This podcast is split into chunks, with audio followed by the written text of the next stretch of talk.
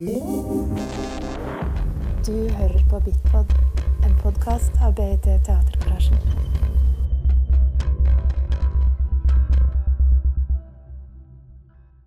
Eh, hei, og velkommen til psykoanalytisk kunstnersamtale med Pedro Penim. Eh, en samtale i BT Teatergarasjen sin arrangementsrekke Rein Bonus og i samarbeid med Psykoanalytisk Forum Bergen og Bergen Offentlig Bibliotek. De som skal på Gisle Selnes-foredraget, de eh, bes gå Oi. Eh, jeg tror det er i, i noterommet. Takk, Grete. Men eh, bli gjerne igjen her, eh, for dette tror jeg kan bli veldig fint.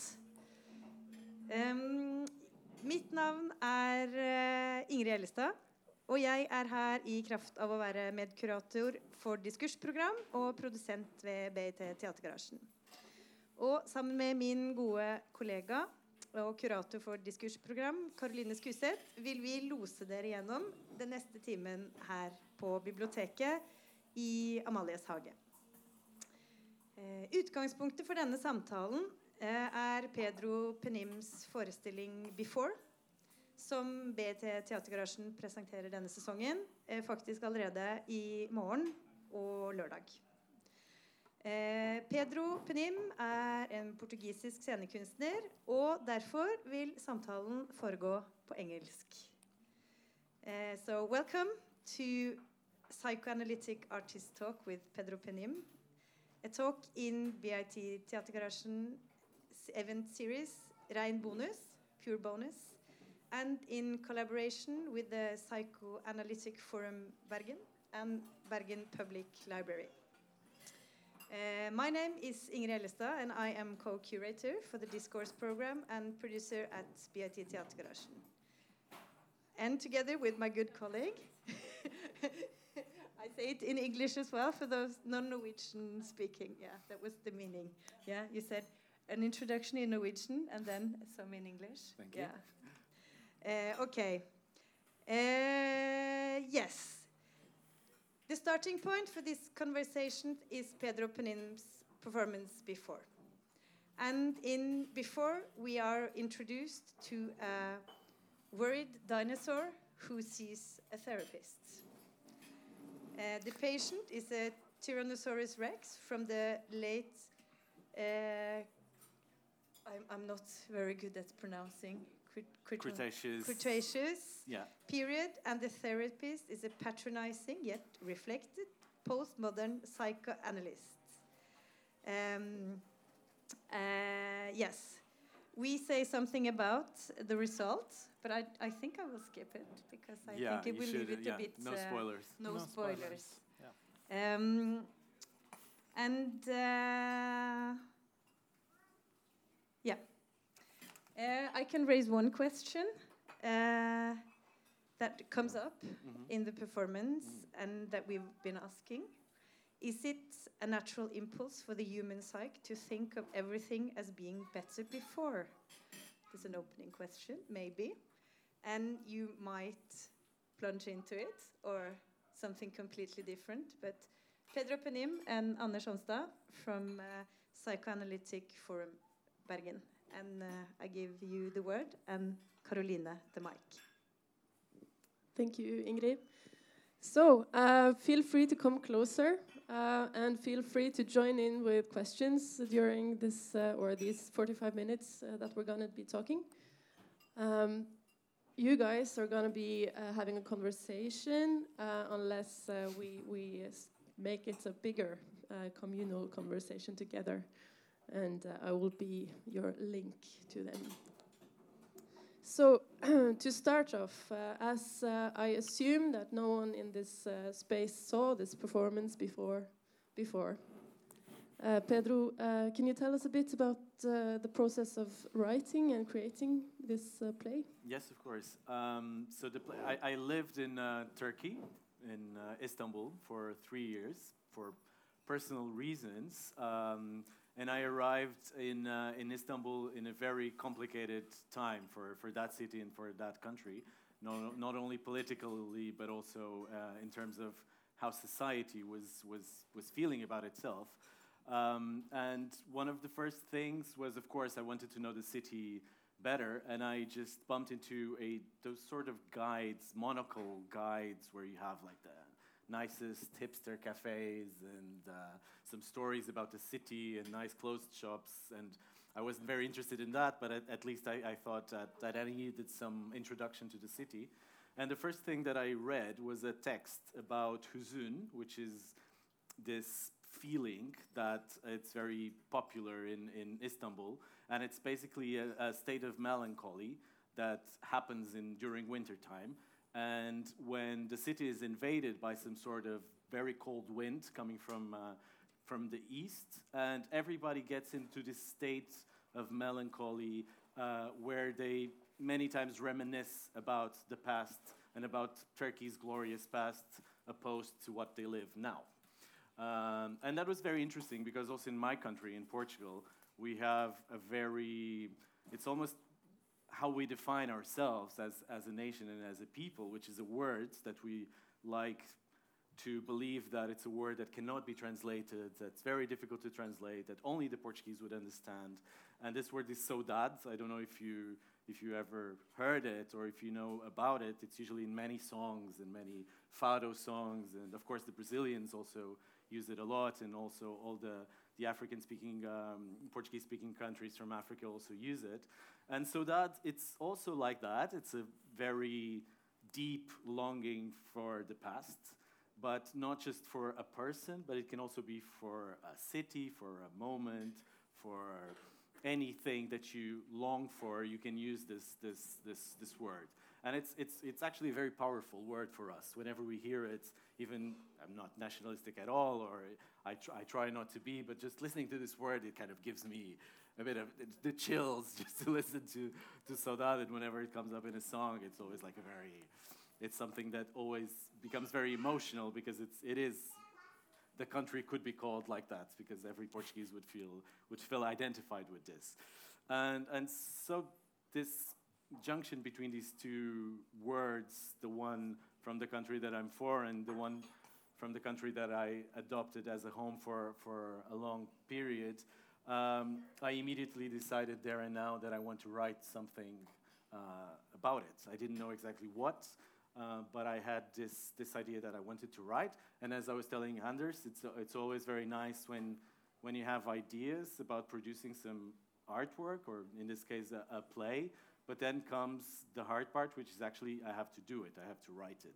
And, and that always becomes a bit of a nightmare between what do you envision, what do you envision as, a, as, as what you want, where you want to reach, and then actually the, the path that you need to do. And the writing is always, for me, it's always a very painful state.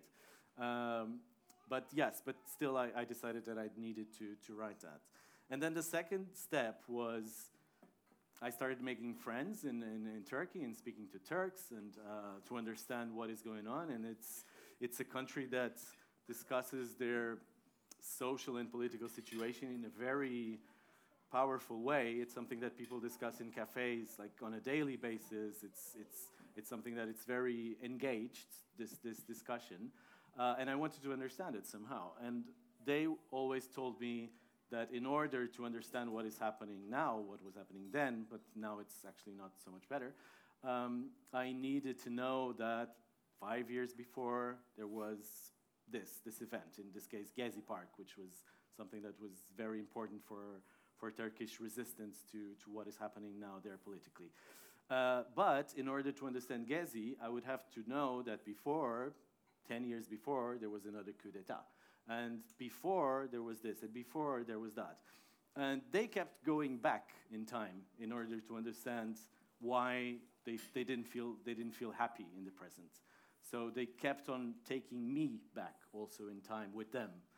And at some point, I asked them, where, where, where does this stop? Because it's unstoppable. It's, it's an unstoppable process. I, can, I could go back. Where, where, where does it end? Does it end in the, in the dinosaurs? I asked, because it's, it's, can we go that far back? Does it end in the Big Bang or something? Um, and and yeah, and so the play became this long trip, a long way of traveling back in time. So there's this character, uh, which is a dinosaur um, that doesn't feel well, and he's talking to someone, not necessarily uh, a therapist or a psychotherapist, but someone that is basically listening to him and trying to understand what is going on. And he starts to go back in time, and the play starts today, and it, it, it goes back and back and back. And it's always this idea of was it better before and why? Why, why was it better before?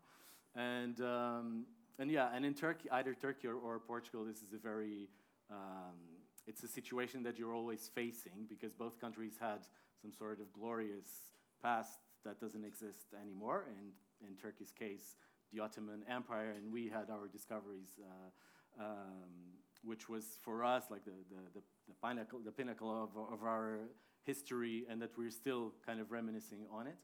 Um, but then it's also something that we're living on a daily basis because in our cities, the architecture is permanently reminding us, and the history and the books and, uh, and all the, the references and the education is reminding us of this, of this past. So even if you want to get rid of it, as in, okay, this was the past, we shouldn't, you know, like try to invoke our glories from the past, and it was actually very complicated glories because now you, you see it as, as a colonialist process that it was, so what's to glorify about it?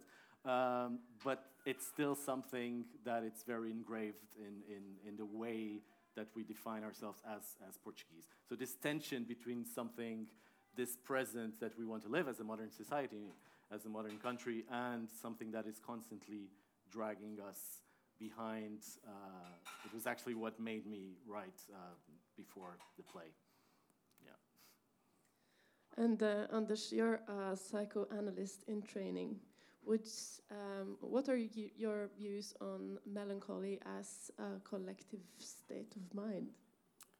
Uh, yeah, that's a very difficult question. I was Sorry. not prepared for. Uh, um, you, you can choose to just choose uh, to ignore it. ignore uh, me. comment on.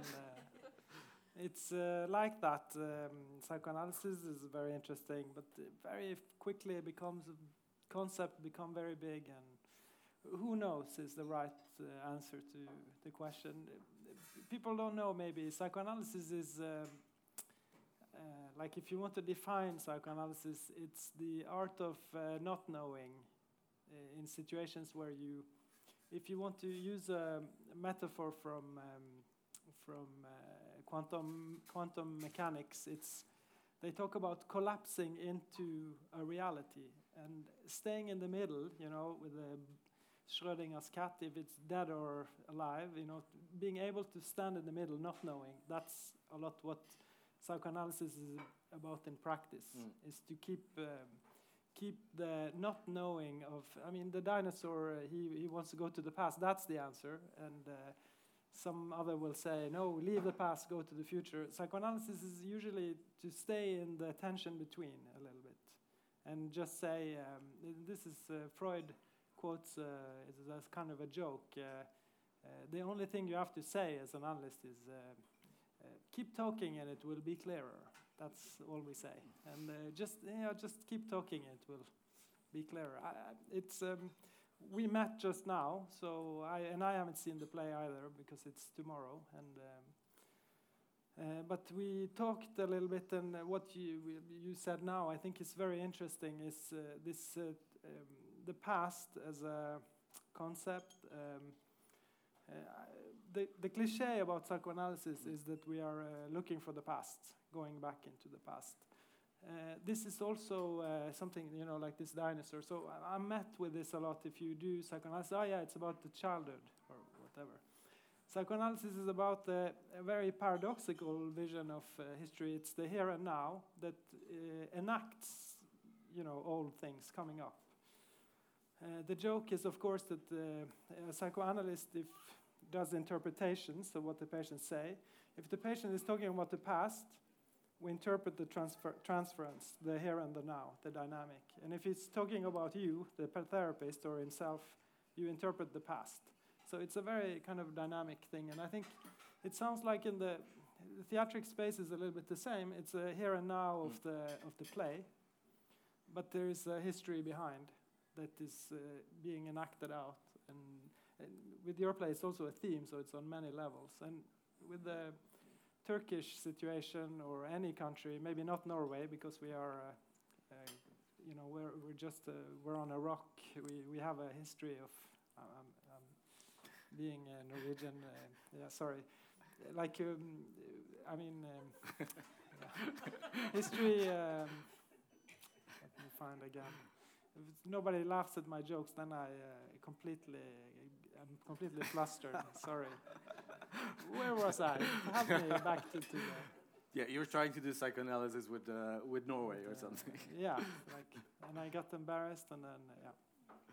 No, but you also, as you were telling me, Norway also has this sort of moment, Yeah. like an historical moment, going back to the liberal 60s, as, as you were saying, that people would recognize as this sort of breakthrough moment where things could go one way or another way. And then you also, in the present, as you were saying in the play, is really about the here and now of the theater, of mm-hmm. the moment that is happening in the theater. Yeah. And the person that the dinosaur is talking to, and he's not necessarily a psychotherapist, you know, it's, it's never said in the play, it's something that it's more up to in the interpretation of, of, of the audience, because it could be just a friend, as, as we talk with a friend and ask for advice about our lives and the fact that maybe we're not so happy at the moment and we just ask we go to a friend and ask for some advice um, but but in the sense that that that character is constantly bringing him to that moment of the play of the performance and maybe that's also what psychoanalysts Yeah, yeah. I guess uh, do. if he wants to be in the past, you should bring you him. should bring him you should the, bring him to the back here and now, and if he's uh, only in the here and now, you go you, to the you past. You go to the past. yeah. Yeah.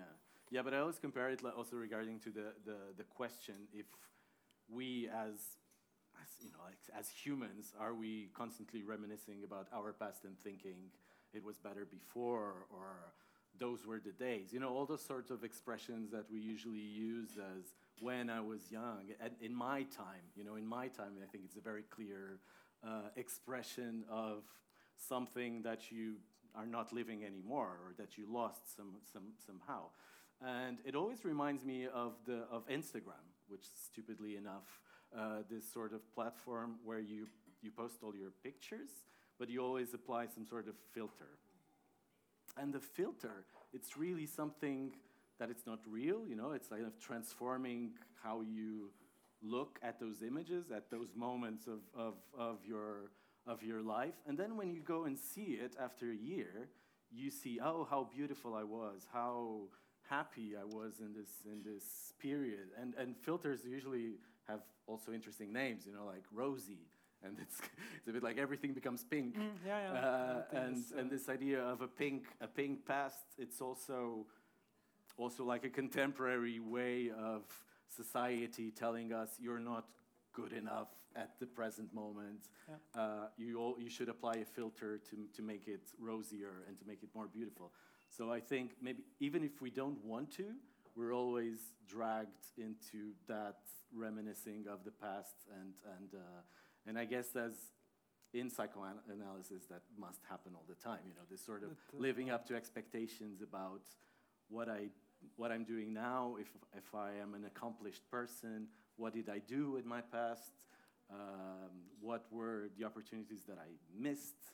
And and yeah, and in the in the in the play, there's a bit of everything like this, but done in a very uh, ar- artistic way. So it's not No, exactly yeah, like a, a theory uh, or or an academic uh, um, study, but but yeah, it it, it includes that those sorts of But this ways is of the, looking at the yeah, past. melancholy is, is Yeah, that. It's yeah. the sadness of having lost something, and it's a very painful process Mm. to go to therapy and to discover uh, all the things that are lost and all the missed opportunities. And grief is a huge part of any th- therapy. I think it, that's almost if there's one thing that is part of any therapy and and it's very complex kind of grief because if somebody dies it's quite easy actually Uh, you have a whole culture to Mm. carry you and maybe in portugal you have a whole culture for all kinds of griefs and you know like I lost an opportunity, I lost something, you know.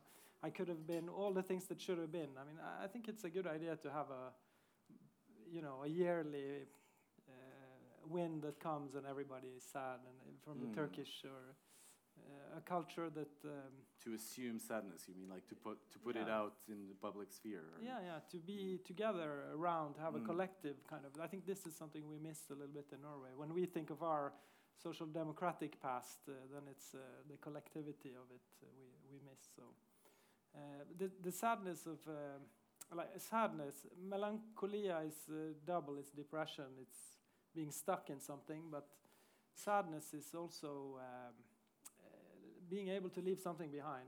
You know, sadness is very uh, very closely connected to experiencing reality, to taking reality in, and it's a necessity. You can turn it around and say it's a necessity to be able to be sad.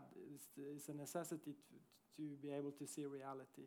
Mm. So sadness is the moment when you give up and take in and you know cry. And in this sense, depression or melancholy, even So nostalgia melancho- is something like good. melancholy and depression, you would just put it in the same. Well, that's also a huge debate, but um, of course not. Mm. But uh, it could happen at the same it, time, yeah. or it, it is. Uh, they use the word in the official diagnosis. Uh, yes, mel- mel- melancholy. melanch- It's a kind of depression, but uh, but uh, also it has its own history as a concept. So right.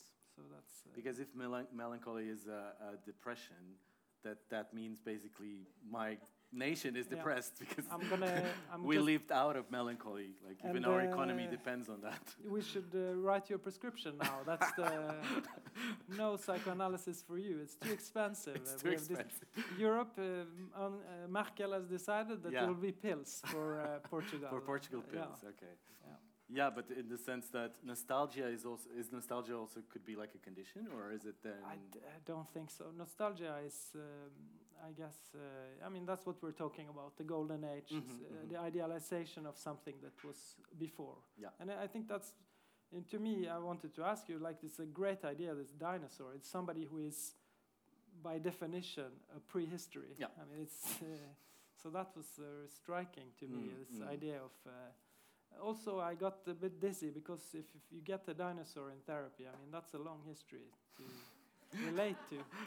It's a lot of work. You know, Freud said that 50, if you're above 50, that's too late, so no therapy. Because one of the reason is the history will be so long, there's so much stuff happened that you don't have time to listen to it all. So a dinosaur, Just give up. millions of years, yeah, that's it's even worse. no chance. Yeah, So only only in theater it's it's possible then. only, yeah, that, that's. Uh, but of course, uh, as a symbol, it's really nice also that prehistory is a is a screen f- for projections. Yeah. I mean, that's where we place our hopes and dreams, and uh, also it's the inverse. Also, I mean, prehistory is also a time of terrible trauma and Mm. tragedy. And Yeah, and the and the character is actually it's it's of course a mythical figure in that sense that you were talking. But in, in Portuguese we also call I don't know if you have it here, but there it's very popular. Like politicians that linger for many years in the same job in the same position, we call them dinosaurs. You know, like the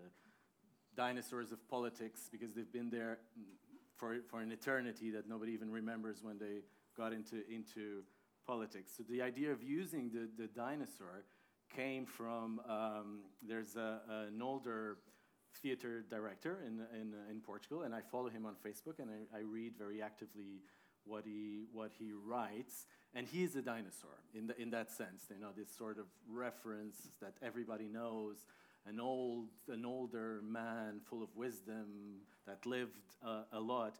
And all his posts are about that, about that sort of reminiscing of how Lisbon was much nicer in the 60s, how um, we don't have, nobody buys in local shops anymore. This sort of, of narrative that it's demonizing the, the, the present, because obviously he himself does not have the same sort of recognition and glory that he used to have in his, uh, um, uh, in his work, in his uh, professional life.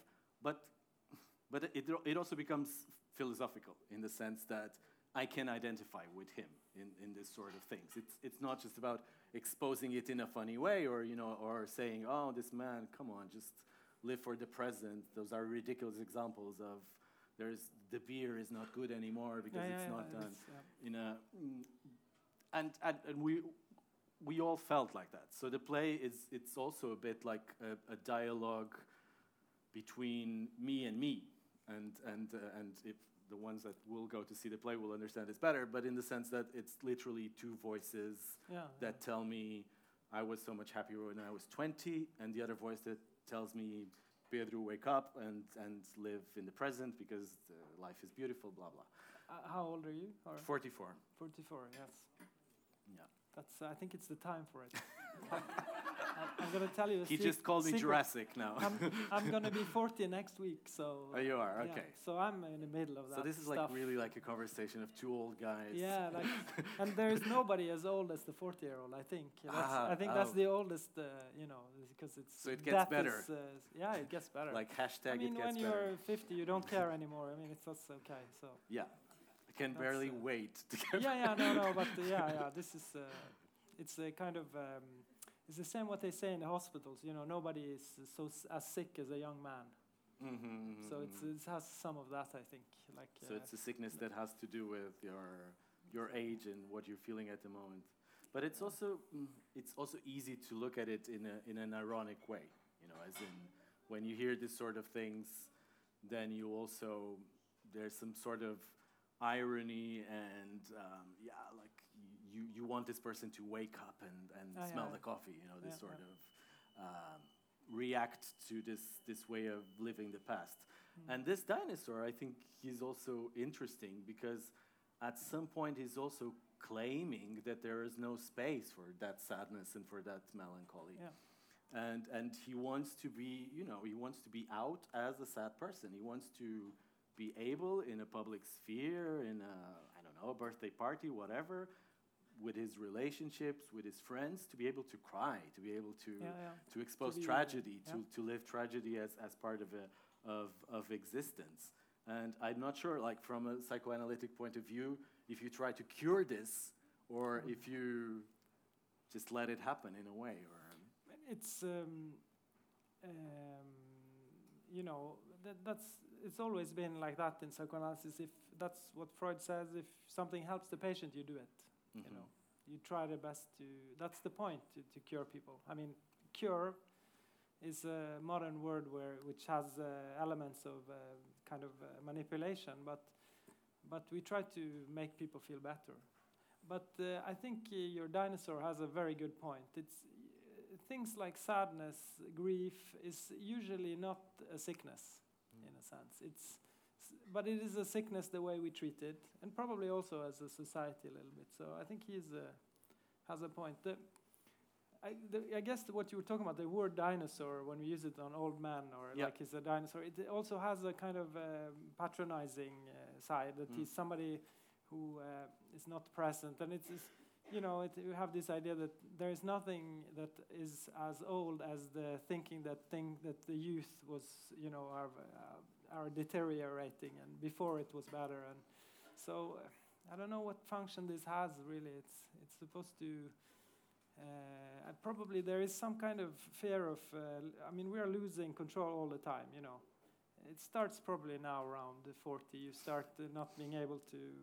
You know, I look at my Snapchat once a week with my girlfriend, and because she makes me, uh, and it's usually only snaps from her. I mean, that's.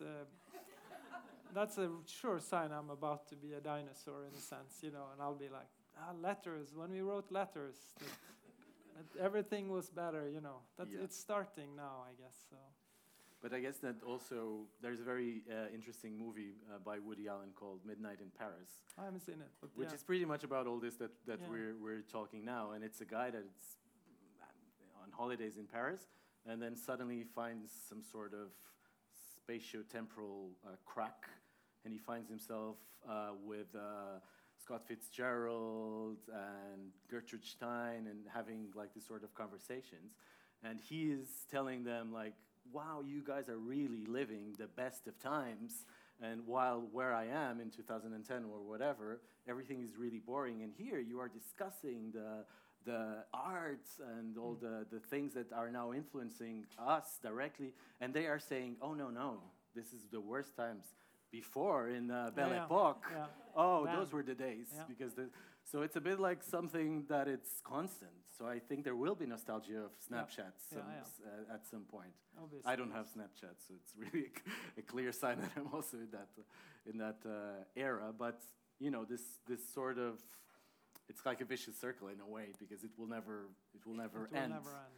It will never end. So yeah, the the how circular the movement is in the play, it's also this sort of thing. While I'm writing, thinking to myself, oh, okay, I'm actually at it in the sense that I'm not just writing about something that I don't know. It's like something that I'm actually living and experiencing.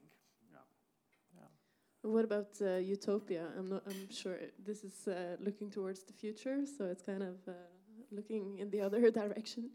Um, but uh, uh, what I find fascinating about the concept of utopia is that it's constantly changing. Like when you read uh, old literary descriptions of utopia, um, they always develop. Like when you have societal changes that fulfills parts of the goals in the utopia, the concept changes and you can never reach it Mm. because it's that's sort of I'm curious about it as is it a human drive? Is it something is it a, mechan- a mechanism that drives us forward to develop and how does this relate to melancholy and and this looking backwards? Mm. This is clearly for you. yeah, thank you. Uh, yeah, no, but it's uh, I, I I don't know if it's driving us or not. Is it the drive? Uh, that's um, kind of an empirical question a little bit. So I, d- I don't like it. I don't know. You're, Who knows? you're free to mess with my questions. Yeah, yeah, why as- are you asking want. me what only God can uh, answer? You know, Uh, but uh, of course, no, no. But it's a good question. Is to me, of course, the future utopia is a space of projection. So it's something that's, like you say, it's changing because times the people are writing it is changing. The it's a screen again that you can see it. This doesn't mean that it is actually a screen. It means that uh, this is how a psychoanalytical uh, in a psychoanalytical situation, it would be a screen. So this is also, I mean, I guess something in a kind of psychoanalytical space, and maybe also in a the artistic sure, uh, yeah. theater space. Maybe it's a similarity. Mm. The future is a screen, and the past is also kind of a screen. And usually, if somebody is talking about the future, it has information about the past. And if they're talking about the past, it says a lot about the future. So it's um, this this kinds of thinking creates a little bit structures a little bit that makes um, parallels, and uh, of course, the base most basic parallel is the acting out of the of the past in the here and the now, which is the transference, which is the analytic situation par excellence. Mm. And um, yeah, so I guess why utopias are changing, that's um, because we are using this utopia to be able to see parts of ourselves, I think. That, that would be my idea. Yeah, I guess in, in the arts it's also very clear that movement that you're describing because utopia is usually your art, you know, as a, a a movement of pure liberation of your reality. So it's always about um, taking reality and somehow deconstruct it or change the, the position, and, that becomes your, your piece of art. So it's utopian uh, par excellence in the sense that it's a utopian movement. But I think artists also want to to rule it, to own it, to to to control it. So it's it's really like a tension again between something that it's in the you know in the sphere of ideas of, of something that it's unattainable, that it's pure in its senses, like a, an utopia, but also your wish to to own it as an author, as an artist, where you're actually signing it. This becomes mine. It becomes an object, or it becomes a play, or or the sense of having an idea and then I have to write it, and the writing is also against that idea of utopia, which is the first the first idea, which is the where beauty usually is. But then the the the path to actually get there is that it's that sort of ownership and a bit more like a rationalistic uh, way of understanding utopia. So I guess it's it's the same sort of tension.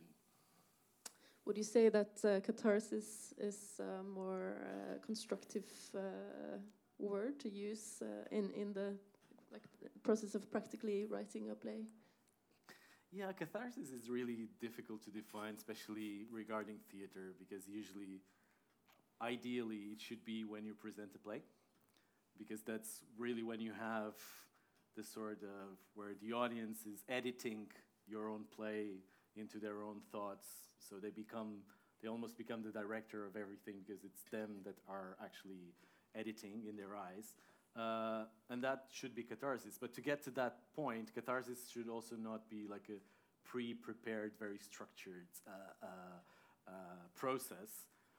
So yeah, it's it's it's always when I started doing theater, all these questions were coming up to me, and, and I was always thinking, oh no, I should just give up now because this this is gonna get too complicated because it's always uh, a way of wanting something bigger than us, you know. And yes, when you're finally presenting to the audience, then this sort of catharsis should be created, and especially in Greek theater, that was exactly how, how it happened.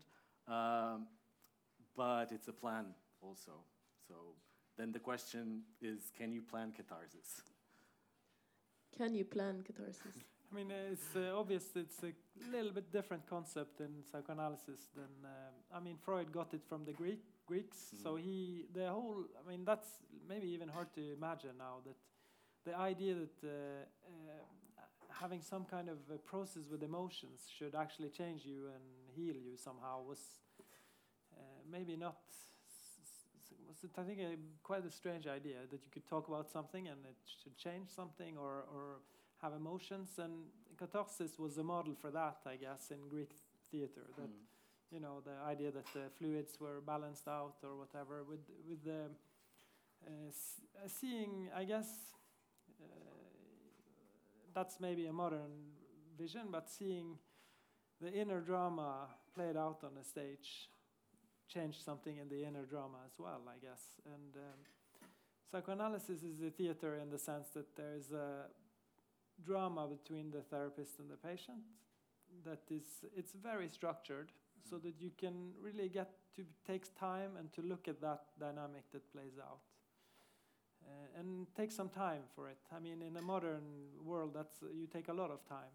And even turning your phone off for 45 50 minutes is a, a crazy thing to do but uh, worthwhile actually. But to- to get that peace and to look into it that's um, that's a theatrical element, I think, in psychoanalysis. Uh, The catharsis is, has become uh, difficult within psychoanalysis because it's um, usually seen as a very dramatic thing. Uh, and there are a lot of therapies that use this and also hypnosis and things, but uh, um, psychoanalysis is less uh, about catharsis today, but it's it's there as that there is still a kind of uh, hope that uh, a strong emotion or getting to the real emotion underneath or something can have a really healing effect, Mm, mm. just like uh, um, art can have it, uh, Mm. you know, artistic. Yeah, there's a moment in the in the play that the dinosaur is talking about something that happens in Los Angeles, which is crying parties. Ah. So it's It's, basically it's a real thing. It's a real thing. Ah, yeah, yeah, yeah, it's a real thing. Wow. So where yes. people actually get together to cry for 45 minutes. Wow. Um, and this is planning catharsis in a Yeah, way. yeah. Uh, and it's seen as a retro thing because it's always also about aesthetics, but in the sense that it's a preparation where you find finally a space where everybody's there to cry together. And, And, yeah, uh, and uh, before they had the, the I don't know in English, but the gråtekona, the uh, professional criers for the funerals. Yeah, yeah, yeah. yeah. Which is a slightly better idea, I think, but yeah, similar. Because you get paid.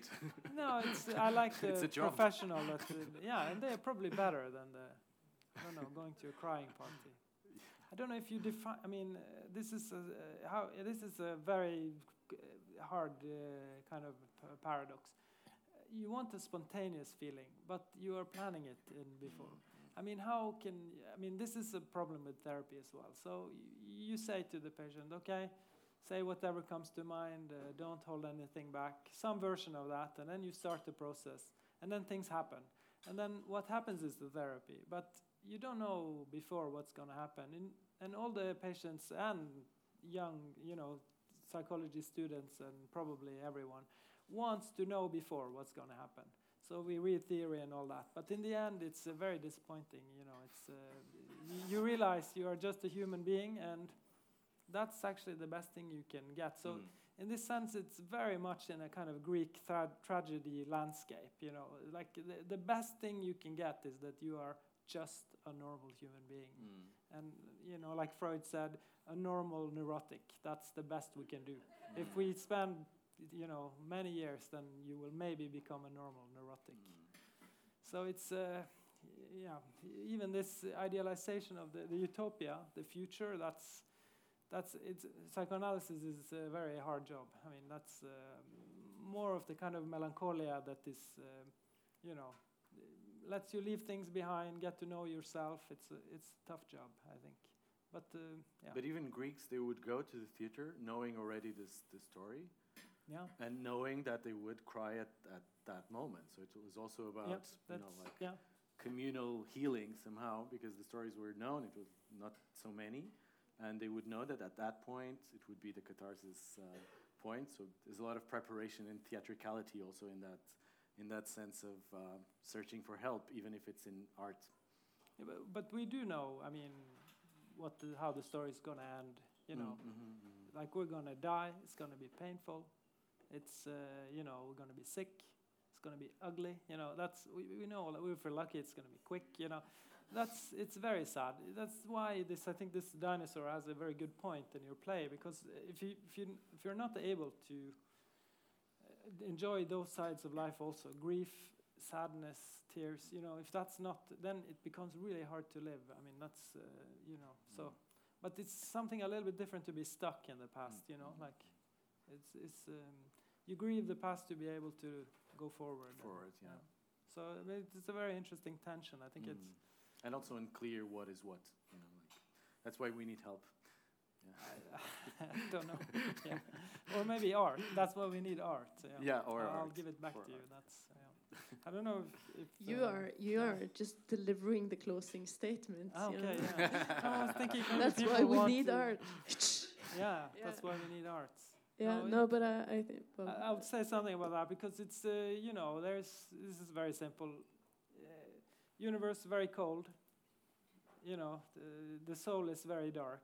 It's uh, between there is uh, quite not much space really. It's quite. Uh, so uh, what else do we have? Creativity and relationships, you know, between us, and you know that's uh, psychoanalysis is about that. I mean, mu- much therapy is about that. Actually, in a space which is uh, it's relationship and creativity somehow in some form of that, you know. And and art is really. Uh, uh, Sometimes it's the product, like you say. It's really hard. You have to actually write it. That's the depressing part of it. The, Mm. idea is uh, the ideas are great, but then the writing is that's psychoanalysis. Yeah. I mean, that's doing the work, which is really painful. But um, but uh, yeah, it's uh, art is uh, really the only one of the. It's a goal in itself because it's the only thing we have against these kinds of you know Mm. pressures that we we have on this earth tumbling through space. you know. okay. So I promised you, Pedro, that we would stick uh, stick uh, okay. to the it's the because time. I have a rehearsal in um, Yeah, yeah. not very long, so But uh, we have a few minutes left in case anyone out there they want to ask about something or comment. Yeah. Hi, um, thank you for the presentation.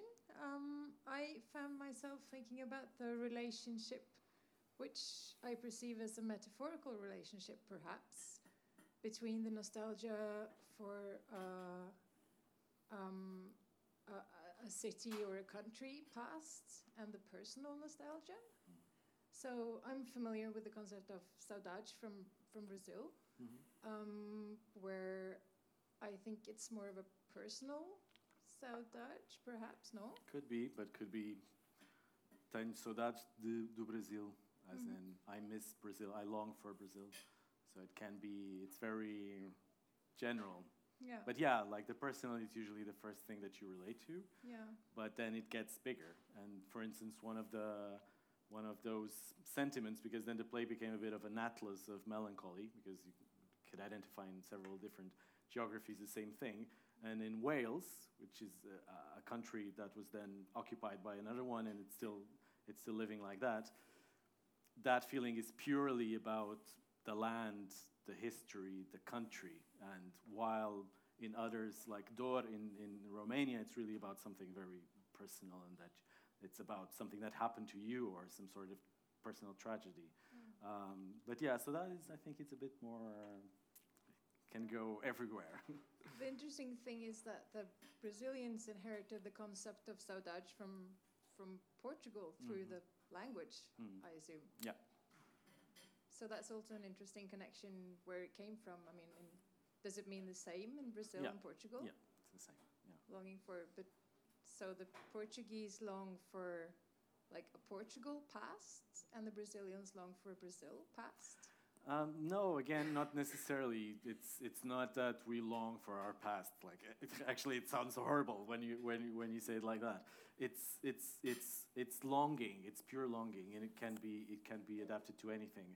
And I guess for the Brazilians, they completely understand it as in an historical perspective of what happened with both countries in some point in history, with very different approaches, of course, and different uh, like critical approaches. Um, but but yeah, the, then the personal thing, it's really it's really it's I, I keep on saying in the play it's hard to translate, and it is really hard to translate because because the word contains so much more than just the English word for longing or for missing, you know, because then I think it adds some sort of deepness that then the English word does not reach that, that, that level. And if you lived in Brazil, you probably understand how it becomes a word that it's used on public sphere in uh, very often, and it becomes something that like a password that you that you say it and you immediately feel that there's a connection. But it's linguistically, of course, it's it's it was inherited linguistically uh, in Brazil. And you open with uh, the uh, Turkish concept Hüsn. Huzun, yeah, that's but much more specific because it's only about Istanbul, so it's not the whole of Turkey. It's really uh, an Istanbul thing, and uh, uh, Pamuk, the, the the famous writer, wrote a lot about about Huzun. Beautiful uh, books, beautifully written because it's re- it really embodies the, the what it what it what it means to be an Istanbullu, like a, a person from from from Istanbul, but what what really what what what uh, what was really striking for me was that it's still very much alive, and then you adapt it to something that it's not in the origin of the word, but you adapt it to something that it's going on now. You know, like I don't want to vote for any party because they're all I don't like any of them, so that makes me feel huzun. Uh, but while it was uh, an Ottoman concept, basically. Yeah. But yeah, each country would then each word would have its it's very specific from each word would mean a different thing yeah I'm not going to hog the mic. Sorry. Anyone else? No, yeah. One last one. I'm sorry, Pedro. no it's fine it's fine it's fine yeah don't want to rush Hi, uh, I'm Portuguese as well, and Oh. I'm living here for six years already, so I can explain you a bit of saudade.